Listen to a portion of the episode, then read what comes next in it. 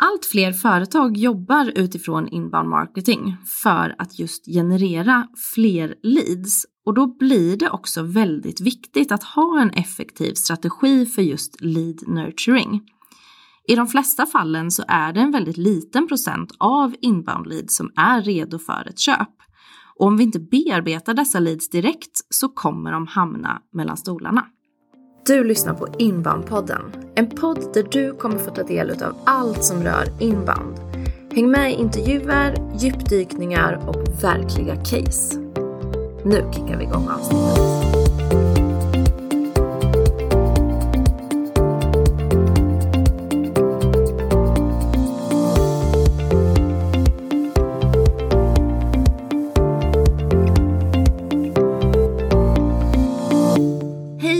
Varmt välkomna tillbaka till Inboundpodden. Jag heter som vanligt Caroline och eh, i vanlig ordning så har jag också min kollega Magnus här. Hej allihopa! Hej Karo!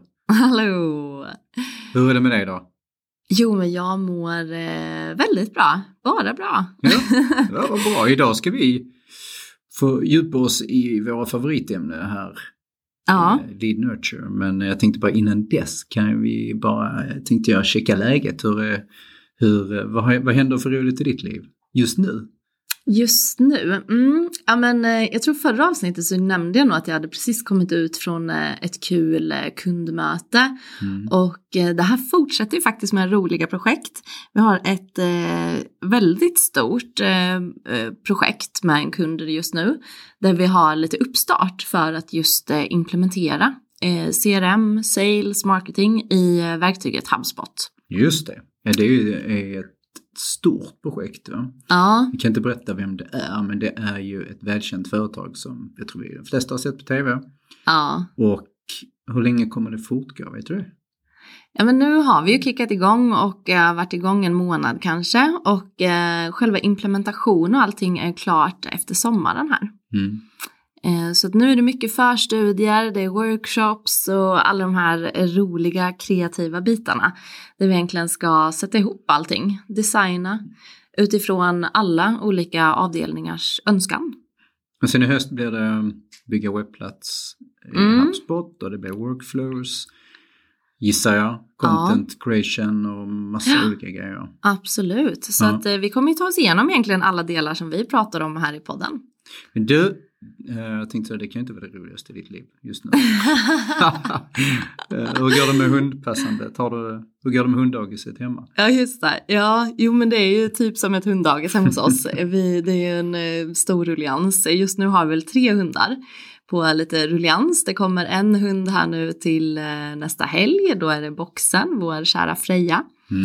Sen har vi en ny fantastisk eh, hund, vi får se om ägaren lyssnar här, men eh, Charlie heter han, en tollare som vi har en gång i veckan. Och jag vet ju att du tycker det är lite konstigt att vi har massa hundar hemma. Jag har aldrig varit med om det. Ni känner ju inte hundarna heller. Eh, nej, nej, nej, eller vi känner ju inte ägarna till nej. hundarna. Eh, nej, alltså vi älskar ju bara hundar. Det är helt fantastiskt. Det är, ja.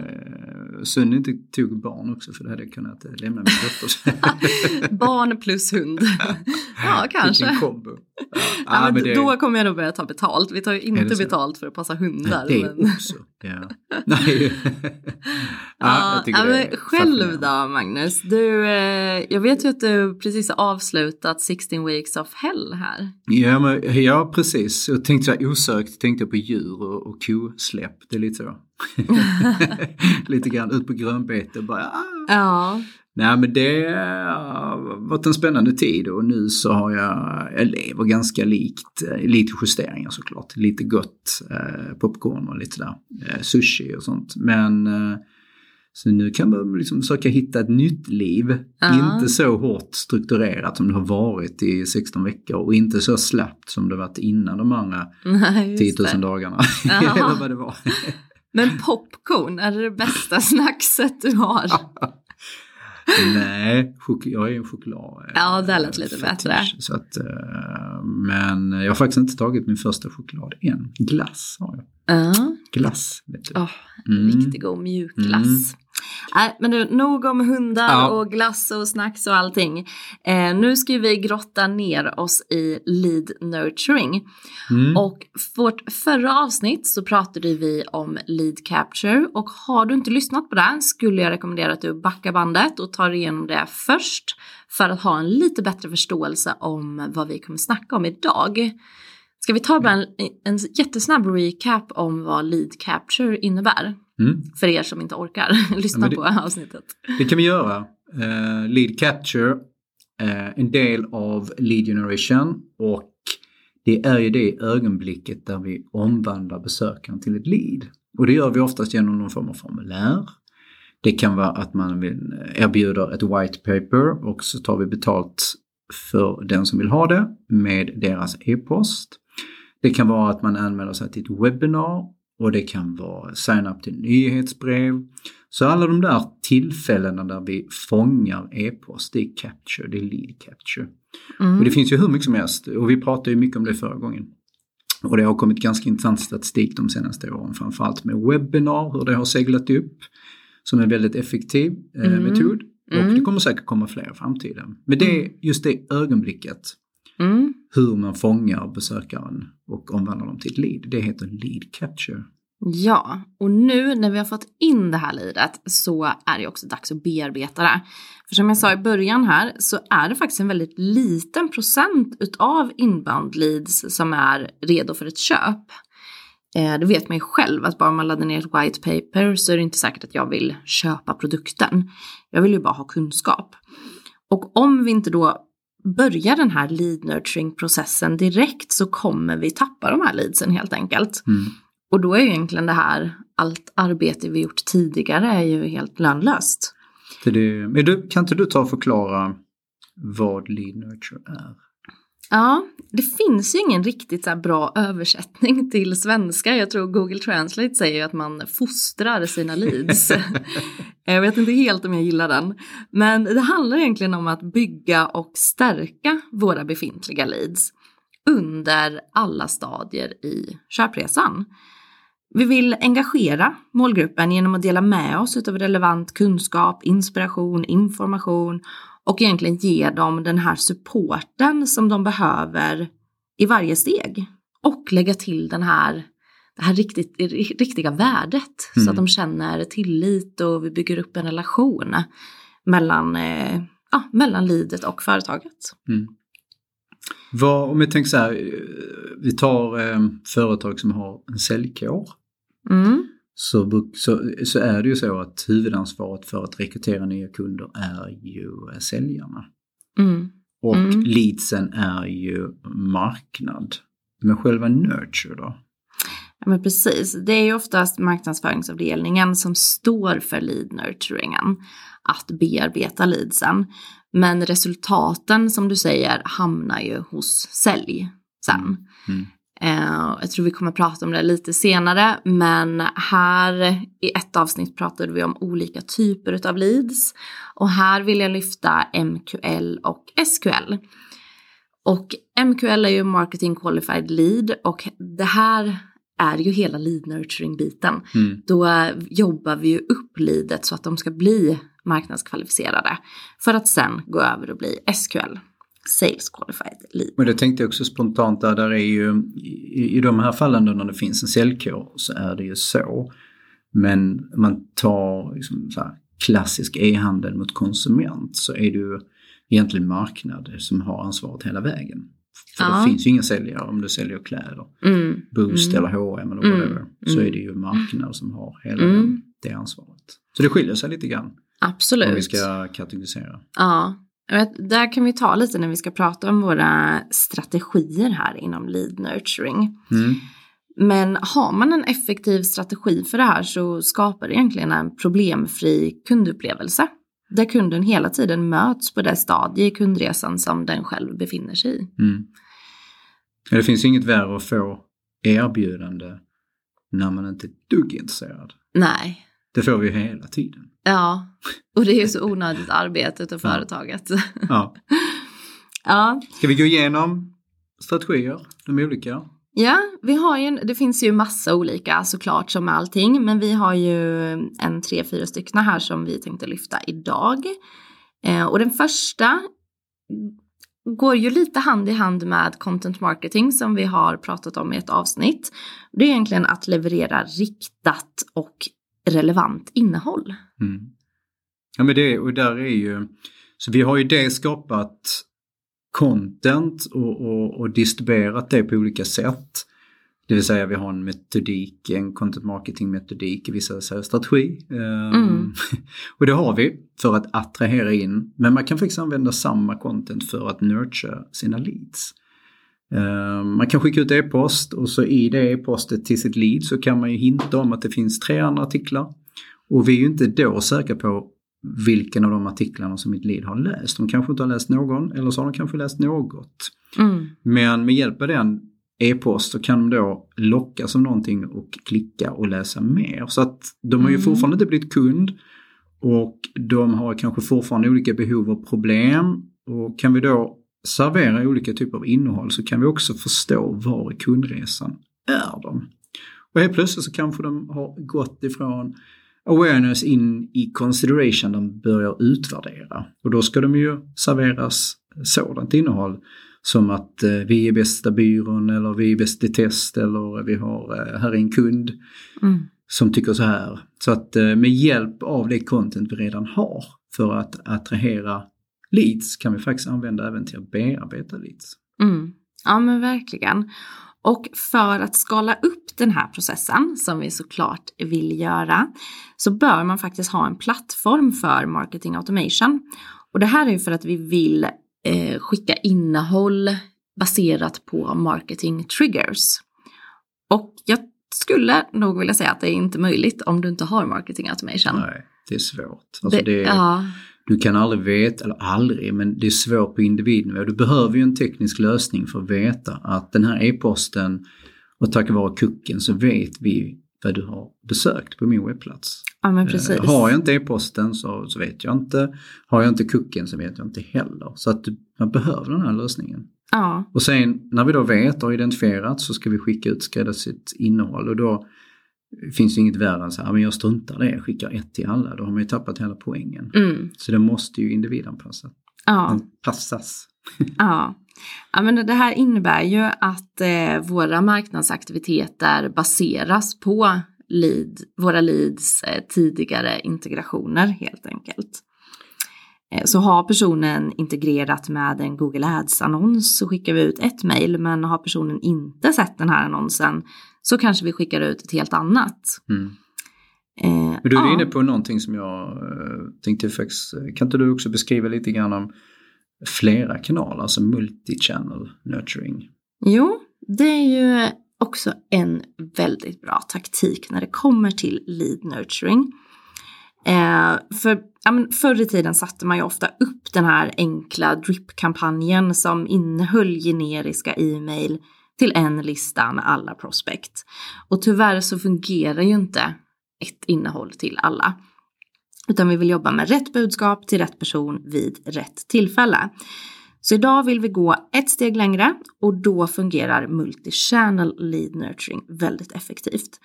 Och det här handlar ju om att vi väver in flera marknadskanaler i vår kampanj samtidigt. Så här kan vi involvera e-mail, sociala medier, men också dynamiskt innehåll på vår webbplats, vilket är väldigt intressant. Så vi visar ju olika, exempelvis CTAs eller formulär eller landningssidor för olika personer baserat på vad de har gjort tidigare. Vi har också en annan grej som jag eh, ofta glömmer, men det är ju sms. Mm, just det. Eh, väldigt många e-handlare som ja. jobbar med. Och eh, skickar du det här smset när personen är i rätt tid så kan det ju ge otrolig effekt. Där, eh, jag, tycker, jag vet inte hur det är för din del, men jag tycker får. Varenda söndag så droppar det in sms från e-handlare och eh, det är väldigt generella. Det är sådär 20%, 30% mm. och passa på. Och det är absolut inte baserat på mitt beteende utan det är ju bara, Nej. och det är väldigt sällan jag äh, agerar faktiskt. Jag ja. önskar att jag hade istället kunnat fått som var baserat på det jag har tittat på. Ja men precis. Faktiskt. Det hade varit mycket mer relevant. Ja, men, ja, jag vet inte hur det är med dig där, men alltså skicka ut eh, bebisgrejer till dig kanske inte helt rätt. Nej, Men- jag fick faktiskt det för ett tag sedan. Ja, jag tänkte, Många företag gör ju så. Men vet de något som inte jag vet? Jag har mina redan här så att nej. Men jag Ja, tänkte på eh, dels sms då men sen när det gäller eh, remarketing ja. så ehm, vi, vi jobbar ju med HubSpot eh, främst idag Mm. och det går ju att koppla det till LinkedIn och Facebook och andra kanaler där vi gör remarketing baserat på vad de har eh, tittat på för innehåll på Mm. webbplatsen helt enkelt. Mm. Och det Ja. tycker jag är lite spännande så att man kombinerar både e-post och remarketing. Väldigt eh, effekt, effektfullt. Mm. Eh, och här har man ju också chans att påverka på hela företaget. Eh, om man riktar sig då till företag exempelvis på LinkedIn. Mm. Så då har Ja. vi ju multi, multi-channel nurturing, det är alltså flera kanaler där vi bearbetar leadsen. Det är inte bara e-post utan Mm. det kan vara sms och det, jag, jag tänker också det skulle ju, nu pratar vi då annonsering, remarketing, det kan ju vara eh, videoannonser, det kan vara displayannonser så att det finns Ja, rätt många olika format att jobba med. Absolut. Och här skulle jag också säga att man kan involvera direkt outreach från säljavdelningen vid rätt tillfälle i kampanjen. Så att här är det ju otroligt viktigt att man har ett samarbete mellan säljavdelningen och marknadsavdelningen. Så inte vi på marknad sitter och bearbetar med de här annonserna och mejlen och sen så lyfter sälj på luren och ringer. Mm. Eh, Men samarbetar man så kan outreach från sälj funka jättebra i en multichannel-kampanj. jag, tänk, jag tänker på det, just du är inne på det, vi är inte helt färdiga med alla strategier, men du är inne på det organisatoriska, hur man kan jobba och eh, risker där tänker jag, för du är inne på, berör den, touchar vi den. Mm. Ja, men, ja, ska vi gå in på det här med att Nej. samarbeta med sälj och marknad? Det är ju också ett helt eget avsnitt längre fram. Mm. Men eh, ni kanske har hört eh, begreppet smarketing. Och det är ju alltså en sammanslagning utav sales och marketing. För i dagsläget så vill många företag jobba just med smarketing i och med att de hänger ihop på alla de här bitarna. Och det är alltså när sälj och marknad samarbetar. Och då kommer du också märka att din lead nurturing strategi kommer bli mer effektfull och kundlojaliteten kommer öka. Mm. Det kommer liksom gå som en röd tråd genom hela kundens upplevelse med dig och ditt företag. Mm. Ja, Ja, och vad- eh, ja, men, ska- ja, ja, men riskerna är ju som vi nämnde där innan att det bara skapar irritation istället. Ja. För att sälj sitter och bearbetar medan marketing också sitter och bearbetar. Så det vi vill göra under nurture-processen där, det är ju med automatiseringen och så vill vi, och, och du nämnde ju triggers här, så att vi vill ju servera innehåll som är relevant för våra potentiella kunder, alltså leadsen, Mm. här och nu. Mm. Och har vi då någon som börjar titta på exempelvis eh, våra priser, på webb, om vi nu har det, på vår Ja. webbplats, eller läser om våra kundomdömen och referenser inne på vår webbplats, då börjar man ju närma sig någon form av köpmognad. Ja. Och det får man ju testa fram under en längre tid och se, är de redo för ett samtal nu? Eller ska Mm. vi servera dem ytterligare då innehåll som övertygar dem? Mm. Är de, är de redo för ett mail som erbjuder någon form av mötesbokning eller vill de ha någonting annat? Så att det där med hjälp av automatiseringen och att man då helt enkelt mäter deras aktiviteter. Mm. Eh, Och någonstans där på vägen så är det dags att sälja. Om man har en säljkår. Men det där är också, det är väldigt enkelt i, i teorin. Mm. Alltså det är ju en teoretisk eh, liksom, process och så här, och det, den håller ju inte till 100% utan man får ju testa sig fram. Och sen får man ju Mm. optimera de här flödena och Verkligen. de här automatiseringsflödena eller som vi, som det kallas i HubSpot för workflows. Mm.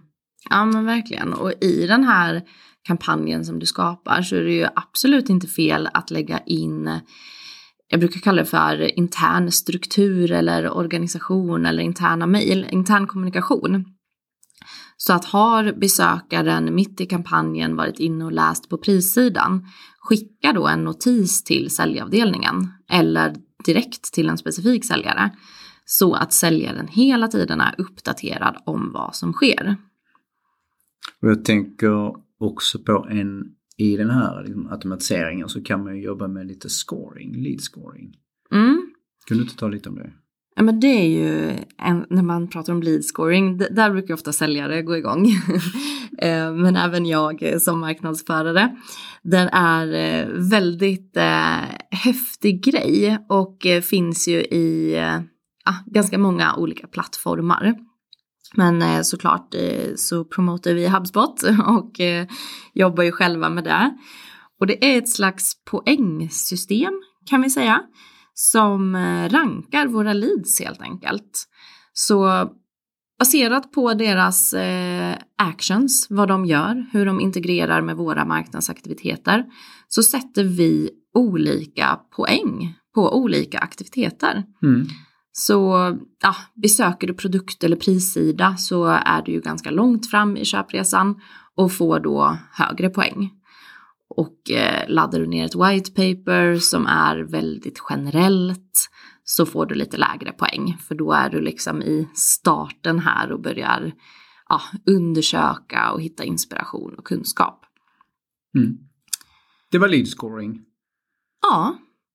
Har vi och vi har berört de tre olika strategierna, alltså innehåll och rätt timing, ja. multichannel och så lead scoring.